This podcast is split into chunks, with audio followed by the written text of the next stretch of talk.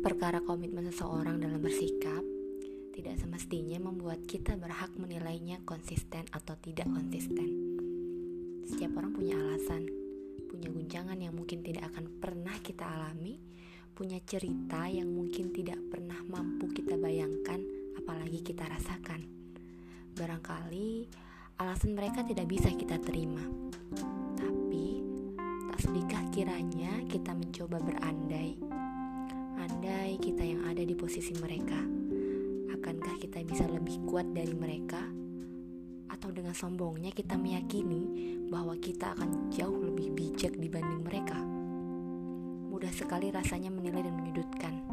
Dan sayangnya, kita selalu memilih yang mudah-mudah untuk dilakukan. Coba kita kembali fokus pada rencana masing-masing tanpa saling mencela.